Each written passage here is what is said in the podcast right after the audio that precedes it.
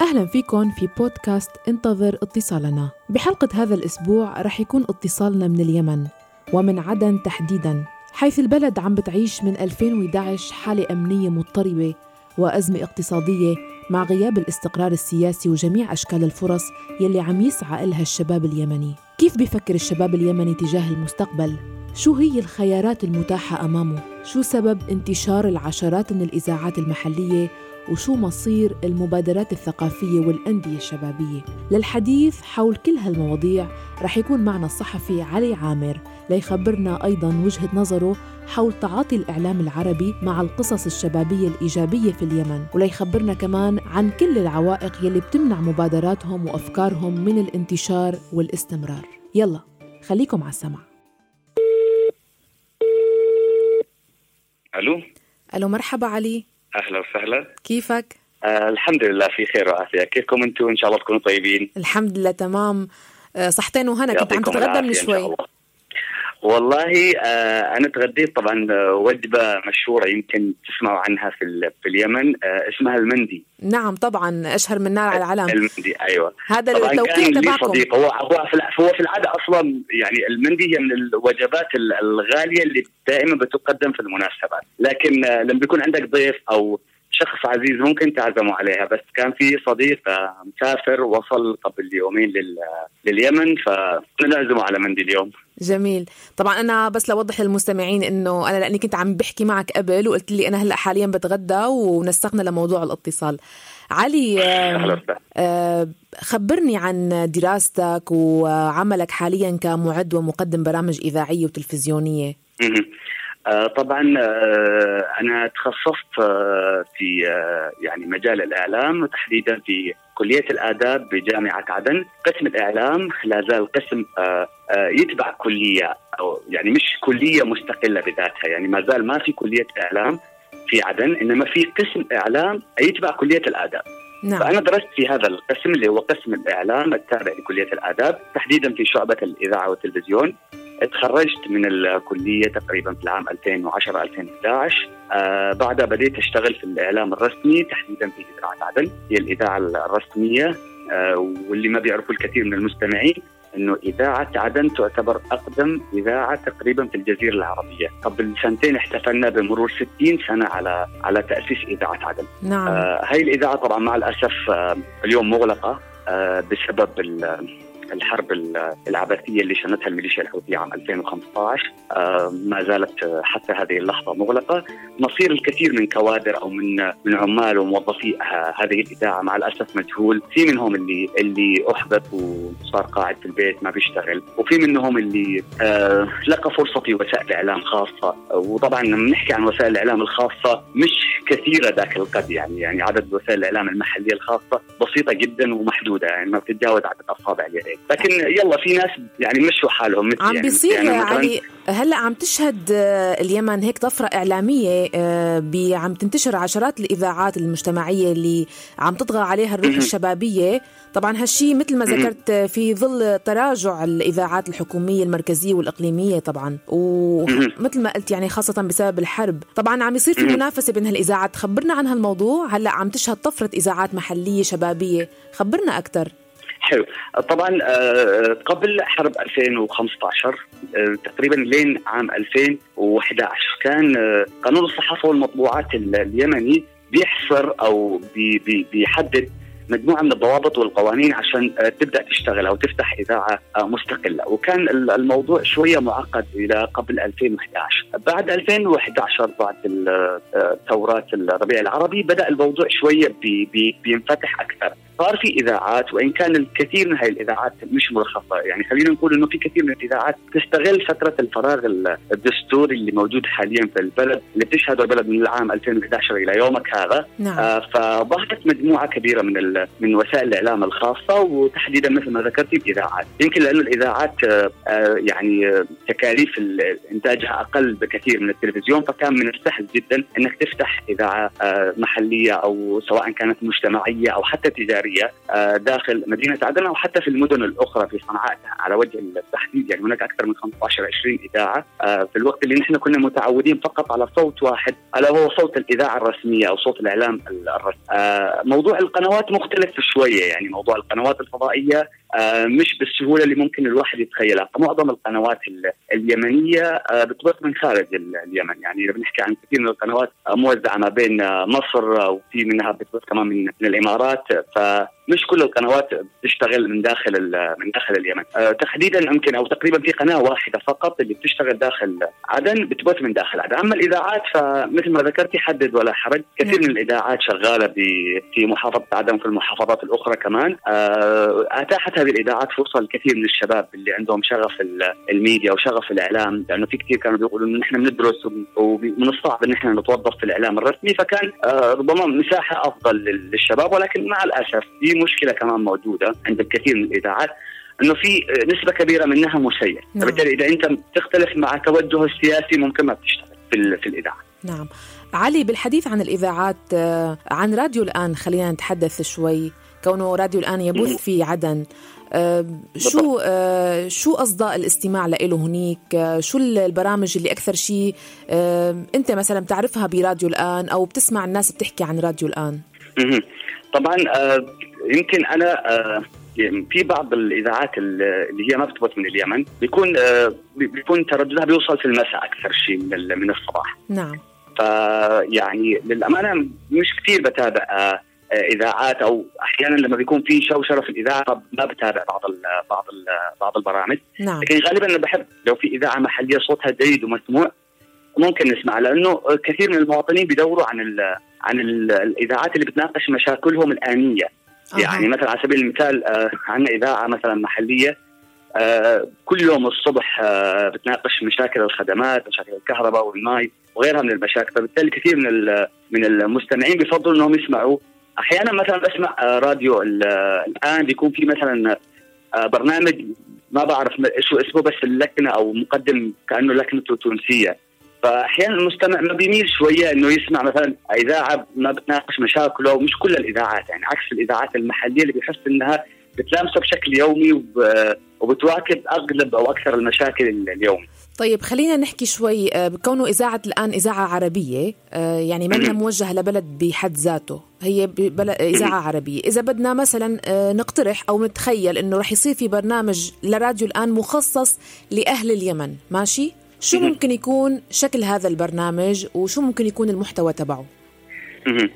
أعتقد أنه أكثر المشاكل اللي أو القوالب الإذاعية اللي ممكن بيميلوا لها الناس أو بيميلوا إنهم يسمعوها آه، هي القوالب الشبابية ذات الإيقاع السريع. آه، وخصوصا إنه في إذاعة خارجية آه، بتجيهم من خارج بلدهم فهم بيحبوا إنهم يسمعوا مشاكلهم من وجهه نظر مختلفة بس مش المشاكل السياسية الآنية.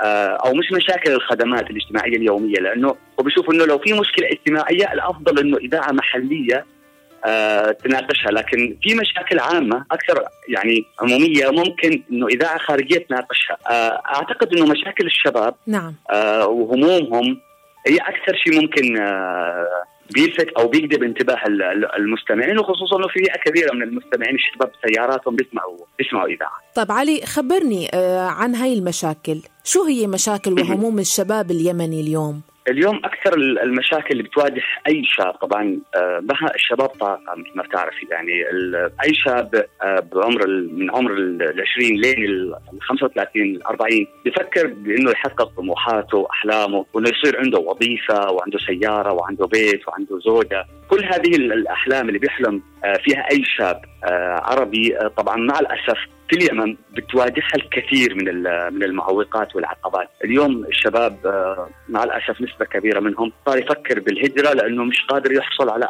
يعني أبسط حقوقه داخل اليمن، اليوم نحن في بلد آه، لا تتوفر فيها الكهرباء، تحكي عن مثلا 16 ساعة باليوم منقطعة فيها آه، خدمة الكهرباء، تحكي عن بلد فيها أيضا ما فيها ماء خدمة الماء ما بتوصلش لكل البيوت، فبالتالي هي خدمات أساسية المفترض إن الواحد ما يفكرش فيها أصلا. فما بالك بشاب يفكر إنه آه، يفتح بيت أو آه، يعيش الحياة الطبيعية ويفكر بأحلامه وطموحاته ويكون آه، دماغه نظيف قادر يبدع قادر يبتكر صار كل هم الشباب اليوم إنه فقط يركز على الخدمات أنا لو بفتح مشروع لازم أفكر كيف ممكن أجيب خدمة الكهرباء؟ لو لو بعمل مشروعي الخاص لازم تتوفر لي عدد من المقومات ومع الأسف الدولة ما توفر لي هذه المقومات وأحد هذه المقومات أيضا الوضع الأمني غير المستقر والمضطرب. لذلك كثير من الشباب يفكر بالهجرة ولو على الأقل الهجرة المؤقتة وليست الهجرة مثلا الثابتة. يعني أنا ممكن أسافر لبلد معين كمحطة أو ك يعني نقطة تكوين نفسي وكياني ومن ثم أعود إلى كثير من الشباب بيصعب عليه حال بلده. هو ما بيفكرش يسيبها لأنه بس بيكرهها لا هو بي هو بيفكر يسيبها عشان عشان هو مش قادر إنه يشوف عمره بيمر وهو بال30 وبيمر على ال40 والبلد ما زالت فيها أزمات والأزمات كم بدها تظل وقت يعني عشان آه عشان أنا أقدر أصحي عشان أقدر أقوم على رجلي وأشتغل وأعمل وأسوي. فصارت آه يعني صار هم الكثير من الشباب نحصل على وظيفة. يعني حتى الوظيفة الحكومية معها يعني كان أول الوظيفة الحكومية بتروح تتخرج من الكلية بتسجل بالخدمة المدنية آه بتنتظر سنة سنتين لما يجي اسمك في في في قائمة أو في سجل الوظائف الحكومية عشان تحصل راتب حكومي ثابت. اليوم تحكي عن مرافق أو مؤسسات خدمية مدمرة ما بتشتغل، أنت بتحكي اليوم كمان عن آه نسبة كبيرة من من الشباب مع الأسف آه أو نسبة كبيرة من الموظفين الحكوميين مش الشباب، يعني حتى الموظف الحكومي صار ما بيلاقي راتب، يعني اليوم آه نسمع عن موظفين صار لهم من أربعة خمسة أشهر ستة أشهر بل تسعة أشهر ما بيستلم راتبه. نعم. كيف بيعيش كيف بيأكل؟ كيف بيشرب؟ بس لمجرد إنه الوضع الاقتصادي سيء بس لمجرد إنه ما في ميزانية. البنك ما عنده موازنة مش عارف إيش عدم استقرار العملة كل هذه بتأثر بشكل أو بآخر على وضع الشباب فبالتالي بتنعكس على نفسياتهم بتنعكس على أشياء كثيرة.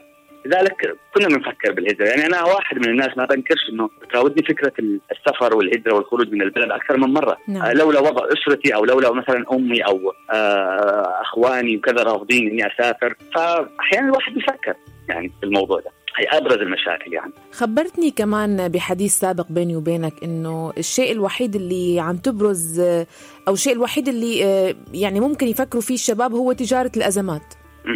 أيوه أكيد طبعا. في بلد في أي بلد فيها حرب آه، من الصعب جدا إنك مثلا تفكر إنك تفتح مشروع ترفيهي.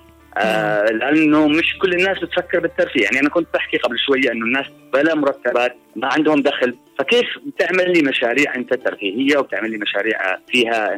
ممكن الناس تتنفس عبرها فبالتالي مش كل المشاريع ممكن تنجح. في مشاريع تفشل آه تجارة الأزمات أو إنك تفكر بمشروع آه يعني بيميلوا للناس في الحرب. آه هاي شيء كويس. يعني مثلا على سبيل المثال صارت الناس بتبيع في البطاريات الخوازن. في شيء ممكن ما حدا سمع عنه في, في أي دولة عربية إنه ما في كهرباء عمومية. فالناس صارت مثلا تشتري مواطير الحقيقة آه، في آه بس اسمح لي أقول لك هون لا بيسمعوا عنه البلدان العربية لأنه كمان في بلدان آه مثل العراق وسوريا كمان في أزمة كهرباء بالضبط. شديدة. ولبنان مثلا آه عندهم موضوع صح. البطاريات والبديل الحلول البديلة كثير منتشر. بالضبط. موضوع الحلول البديلة موجود بشكل كبير جدا مثل ما حكيتي في دول مثل العراق وسوريا. كمان عندنا يعني اليوم صار أيضا لو عندك آه، ماطور أو مولد كهربائي أنت لازم تشغله ببترول. والبترول مش دائما بيكون متوفر ودائما بيكون في أزمة بين الفينه والأخرى فبالتالي أنت تشتريه من السوق السوداء. يعني تاجر السوق السوداء صار أغنى من التاجر اللي هو يعني بيشتغل بأمانة وضمير. مع الأسف يعني اي شيء بيتأزم أو الناس بتدور عنه ممكن أنت تفتح مشروع وتشتغل. نعم للأسف. آه علي آه خبرتني للأسف. كمان إنه عم بيكون الخيار الثاني إذا ما مثلا ما توفق بهجرة أو سفر عم بيكون الخيار الثاني هو التجنيد والالتحاق بمعسكرات. بالضبط في كثير من الشباب آه، بيعتقد إنه بعد ما انتهت الحرب في عدن وبعد ما تحررت مدينة عدن إنه خلاص أنا راح أتجند لأنه في توجه عام لإنشاء جيش وطني جديد و فصار كثير من الشباب يكون متعلم وعنده شهادة جامعية قد يكون دكتور قد يكون مهندس تخصص ودرس وكمل دراسته بس ما لقاش وظيفة في مجاله فبالتالي اضطر إنه يلجأ إلى الالتحاق بالسلك العسكري. السلك العسكري على الأقل آه، رواتبه منتظمة توصل بشكل منتظم آه، مستمرة ومثل ما ذكرت إنها كمان بالعملة الصعبة مش بالريال اليمني فمع الاسف صرنا بنشوف العسكري بيتزوج وبيبني نفسه وبيأسس حياته والشخص المدني المتعلم. صار بينتظره وبيراقب لوين هو رايح لوين تروح فيه البلد يعني. آه، أو إنه يهاجر يعني. في بعضهم بيستسلم وبيضطر إنه يقول لك خلاص أنا ما فيش عندي خيار الا إني ألتحق بالسلك العسكري وهذا خيار أخير يعني. نعم. علي بظل كل هالظروف الصعبة اللي حدثنا عنها وما زلنا عم نتحدث عنها كمان.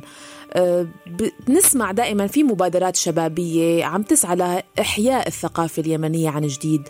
مثلا أه، بعد ما تدمرت المكتبات العامة كتير بسبب الحرب باليمن وتوقف عمل الأكشاك الثقافية يلي كانت تنتشر بالشوارع. بنشوف مثلا بعض مجموعات شباب عم بيحاولوا يحيوا روح الكتاب من جديد آه، عبر مبادرات ثقافية. آه، أو مثلا بنسمع مجموعة أخرى أحيت الموسيقى اليمنية عبر مثلا بيت بيت للعود بيت للموسيقى. بيت العود العدد نعم. يعني هذا النوع من المبادرات وحتى أنت حدثتني عن فيلم كان بيتحدث عن شأن يمني وحاولتوا توصلوا لمهرجانات عالمية.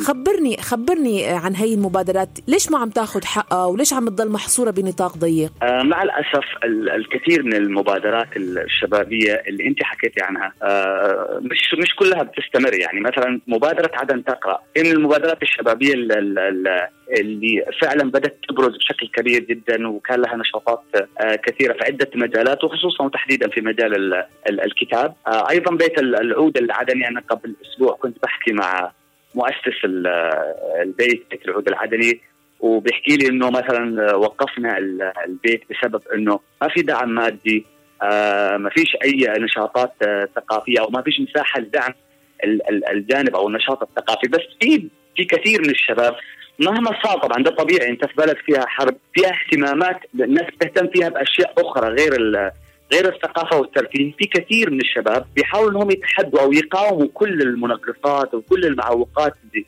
اللي بتواجههم بيحاولوا إنهم آه بيطلعوا أعمالهم أو إنهم يبرزوا أعمالهم إلى آه من ضمن هاي هاي الأعمال مثلا فيلم 10 أيام قبل الزفة آه كنت محظوظ جدا إني كنت مسؤول الحملة الإعلامية في فيلم 10 أيام قبل الزفه والفيلم نعم. ده عشان يرى النور وعشان يطلع للناس يعني نحكي عن معوقات كثيرة ومشاكل كثيرة كنا وصلنا فيها أكثر من مرة إلى إن إحنا نوقف الشغل. لكن بعدين الحمد لله يعني آه في كان بالمقابل أشياء جيدة وإيجابية ساعدت نحن بشكل كبير. بل إن إحنا فوجئنا كمان في أوقات كثيرة. نتفاجئ انه جمهور المدينة تواب و... ويعني متلهف جدا إنه يشوف بعض النشاطات الثقافية وبعض النشاطات الفنية ولكن بيخاف. يعني أنت بتعمل عرض سينمائي مثلا آه، لازم تعمله مثلا بالمساء آه، إذا عملته بالمساء لأنه الصباح مثلا دوام. فبالتالي أنت الناس مش كلها بتخرج في المساء وخصوصا العوائل. يقول لك وضع امني غير مستقر. صعب أحضر عرض فيلم في في المساء يعني. نعم. ففي كثير من الناس بتحاول إنها آه، برضه بعض المبادرات الشبابيه بتحاول إنها كمان تبحث عن حاضنة لها، يعني مثلا آه، أسست مجموعة ثقافية وشبابية، حاولت إنك تعمل يعني مثلا مسرح. ما فيش عندنا مسارح إلى الآن، أنت بتحكي عن مدينة عرفت المسرح قبل 60 سنة واليوم ما فيها مسرح، فصار من الصعب جدا إنك تعمل نشاط مسرحي، يعني كان في عمل مسرحي قاموس الشباب قبل آه، سنة أقيم داخل قاعة أفراح.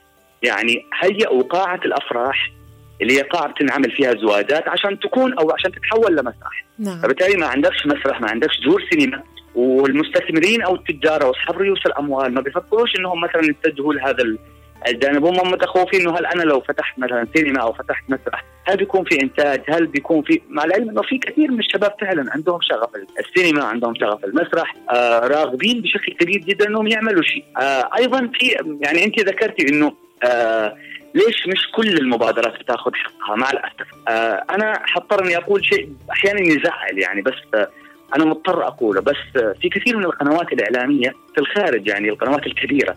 نعم. آه دائما ما بتسلط الضوء على على الشأن الإيجابي في اليمن. دائما مثلا أنا كنت أحيانا بحكي مع قنوات آه عشان مثلا تعالوا سلطوا الضوء على الفعاليه الثقافية وتعالوا تكلموا على النشاط الثقافي في بلادنا وعندنا فيلم عندنا كذا يعني يكون الرد بكل وضوح أو بالحرف بالمعنى الحرفي كذا نحن يعني نحن لسنا متوجهين لهذا الجانب. نحن بنركز على السياسة والحرب في اليمن فقط.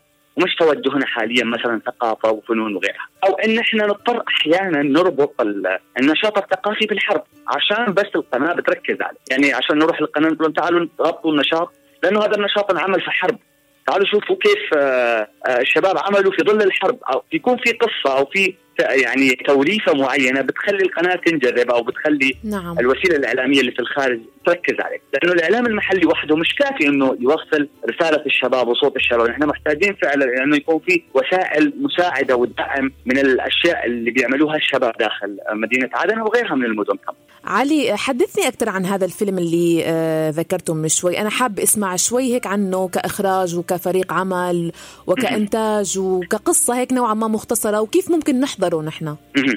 10 أيام قبل الزفة اليوم متاح بمنصات الستريمينج آه، موجود على اليوتيوب كمان. آه، كان الفيلم انعمل تقريبا قبل سنتين.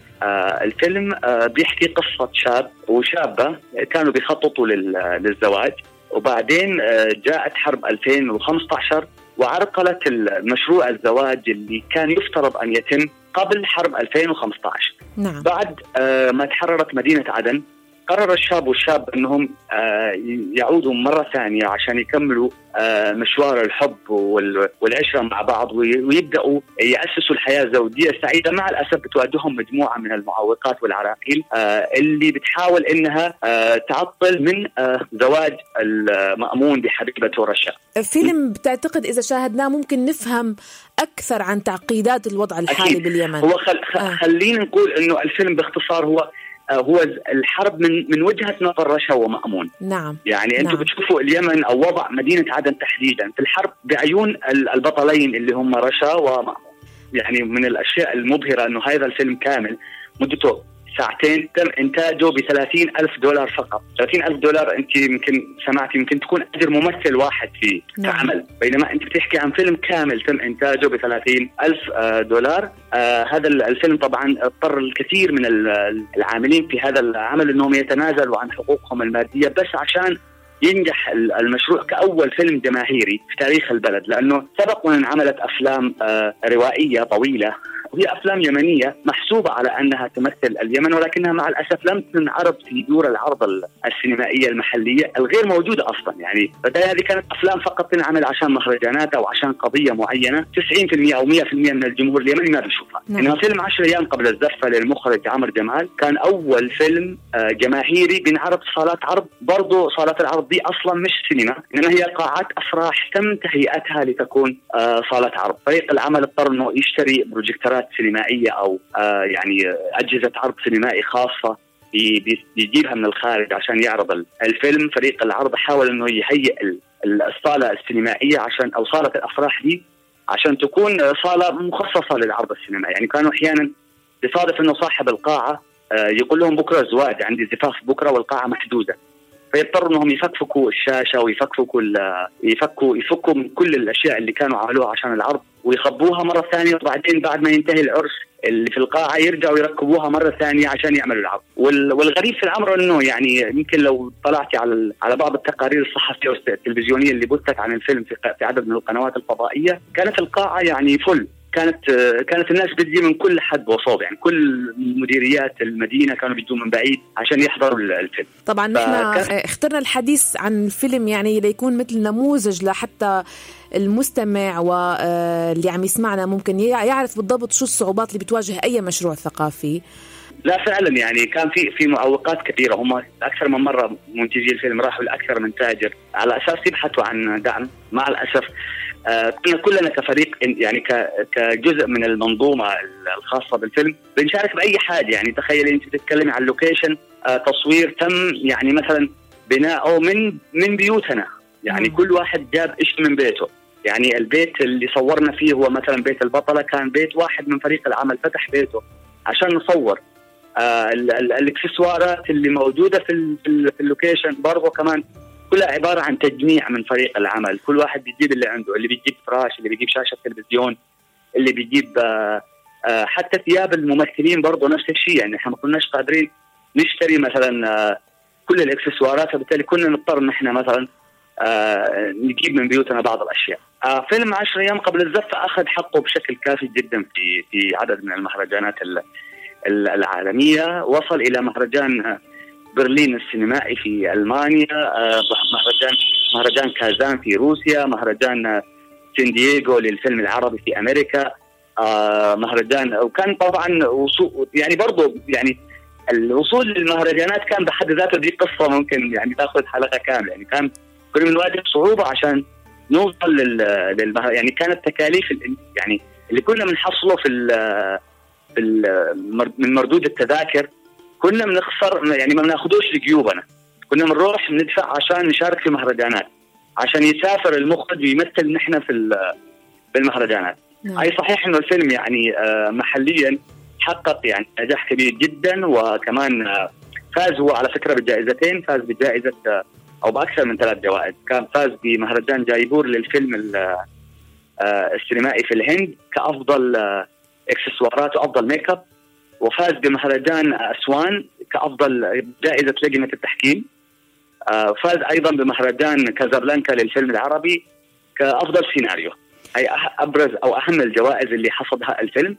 طبعا هي الجوائز حفزت المخرج إنه يعمل فيلم الثاني بمعايير أعلى وبيفكر حاليا إنه مثلا آه، برضه من المشاكل اللي بنواجهها إنه نحن محتاجين فريق فني متخصص لأنه في كثير من التفاصيل أو المجالات المتعلقه بالجانب السينمائي مع الأسف مش موجودة كتخصصات داخل عدن. نعم. فبالتالي انت محتاج إلى متخصصين من الخارج آه، وده قد يكلفك آه، مبالغ كبيرة جدا وده اللي بيخطط له مثلا مخرج العمل في الأعمال. آه يعني سواء عن طريق السينما أو عن طريق البرامج الإذاعية التلفزيونية شكلنا نحن بحاجة جدا لمحتوى يبرز المواهب وال يعني الأفكار الشبابية اليمنية اللي عم تكون إيجابية في ظل هالحرب اللي عم تركز على الثقافة اللي عم بتحاول تظهر إمكانيات وقدرات الشباب اليمني. طبعا فعلا أنا آه، يعني آه، آه، أضم رأيي إلى أو صوتي إلى صوتك مع الأسف صورة اليمني الموجودة عند الكثير من الناس في الخارج صورة مشوهة آه لما بنحكي على اليمن فقط بنتخيل دائما الصحراء وبنتخيل السلاح وبنتخيل الحرب آه لما بنحكي عن اليمن كثقافة أو كحضارة دائما يعني مع الأسف ليش الإعلام ما بيركز عن الجانب الإيجابي؟ قبل يومين في 1 أكتوبر تحديدا كان اليوم العالمي للبن ومن المعروف إنه لفظه موقع آه جاءت من اليمن آه وإنه أجود أنواع البن عالميا آه من اليمن. كان مع الأسف حتى من الجانب الزراعي يعني المزارع صار بيركز خلاص بيزرع قات لأنه ما في حد اهتم مثلا بالمنتج بمنتج البن ذو الجودة العالية. فما فيش جهات شجعت المزارع إنه يزرع البن بينما لو اعتمدنا على البن وحده ممكن نستغني عن أشياء كثيرة. مع الأسف كثير من التفاصيل المتعلقة باليمن واللي تظهر الجانب الإيجابي في اليمن مغيبة وبنحاول بقدر المستطاع إن إحنا بشتى الطرق إن إحنا نوصلها للآخر. آه علي آه نحن الوقت آه رح يشارف على الانتهاء. حابة أسمع منك كلام أخير حابة تقوله أنت في نهاية الاتصال؟ طبعا آه، دائما آه، في عبارة أول شيء اولا بشكركم أول شيء على إتاحة هذه الفرصة للحديث معكم في برنامج في برنامجكم انتظر اتصالنا. وسعيد جدا أيضا بالحوار معك نحن نحن أسعد. ثاني شيء أنا دائما بأكد وبقول لأي شاب يعني بتكلم معاه بشكل شخصي إنه بلدنا اليمن بلد بكر. كثير من الأشياء اللي موجودة في في اليمن مع الأسف لم لم تكتشف بعد. يعني ما ما ما ضغط على السطح هو 1% من الأشياء اللي لسه ما ظهرت. آه لسه البلد فيها فرص كثيرة. آه وكبيرة جدا للشباب إنهم يشتغلوا عليها. لكن بتمنى يعني طبعا مش بيدهم الشباب إنهم يعملوا كل حاجة لأنه آه الموضوع مرتبط بيد السياسيين اللي بيحكموا البلد. أتمنى من السياسيين إنهم يكفوا عن النزاع وعن الصراع وإنه يخلونا نعيش ويخلونا نفكر ببلدنا وكيف نبنيها كيف نحييها. لأنه فعلا آه يعني مثل ما بيقولوا باللهجة المحلية البلد ما فيها سخاء. يعني بيصعب عليك حال البلد وأنت بتشوفها كمواطن. فيها كل هذه الخيرات ومع الأسف لا لا يتم استغلالها واليوم اليمن وفقا لتقارير آه عالمية بتعيش اسوء أزمة إنسانية، ليش نحن بنعيش اسوء أزمة إنسانية؟ وليش 70% من المواطنين تحت خط الفقر؟ ليش عندنا 65% أمية؟ آه كل هذه الأرقام مخيفة جدا، لكن إذا توقفت الحرب أنا متأكد إنه هاي الأرقام تختفي. آه حتكون الاميه صفر إن شاء الله. حتكون البلد قادرة على إنها تغذي نفسها لأنها بلد زراعية وبلد فيها خيرات. كل شيء ممكن يصير بس إذا توقفت الحرب. نعم. آه، في مسؤولية تقع على المجتمع الدولي بما ذكرت بما أنه أنت ذكرت التقارير الدولية وانتهاء الحرب. يعني شو كمان بتقول للمجتمع الدولي؟ شو مسؤولية المجتمع الدولي اليوم؟ تجاه اليمن؟ أنا بشوف إنه المجتمع الدولي يعني مع الأسف انحصرت مسؤوليته في اليمن أو كل كل همه باليمن هو فقط مجرد مشاريع وهمية عن طريق منظمات دولية لا تسمن ولا تغني من جوع، نحن مش بحاجة للمنظمات الدولية، مش محا... مش بحاجة للدعم الدولي، نحن بحاجة إن إحنا إنكم تساعدونا عشان ننتشل آه، وضعنا وعشان نقوم على رجولنا وعشان نعتمد على أنفسنا، نحن عندنا موانع، عندنا زراعة، عندنا نفط، عندنا غاز، عندنا بن، عندنا عندنا تاريخ، عندنا تاريخ، عندنا حضارة، كل هذه الأشياء والمقومات كفيلة بأن إحنا آه، يعني آه، يعني نصنع دولة كبيرة ومزدهرة اقتصاديا مثل مثل أي دولة، نحن بحاجة إلى مساعدة حقيقية، مش مساعدة مالية ولا ولا منح مؤقتة، نحن بحاجة إلى أنهم يعني يتخذوا قرار مع السياسيين الموجودين في البلد أنهم يوقفوا الحرب، ويحسموا الموضوع وترجع البلد تعيش مثل ما كان. بتمنى هالشيء من كل قلبي يحصل قريبا. علي بدي أشكرك على وقتك وبدي أشكرك على كل المعلومات اللي ذكرتها وكل التفاصيل اللي خبرتنا إياها. يعطيك العافية أستاذة مها وأنا سعيد جدا أن أشارك رأيي وصوتي لكل اللي بيسمعونا.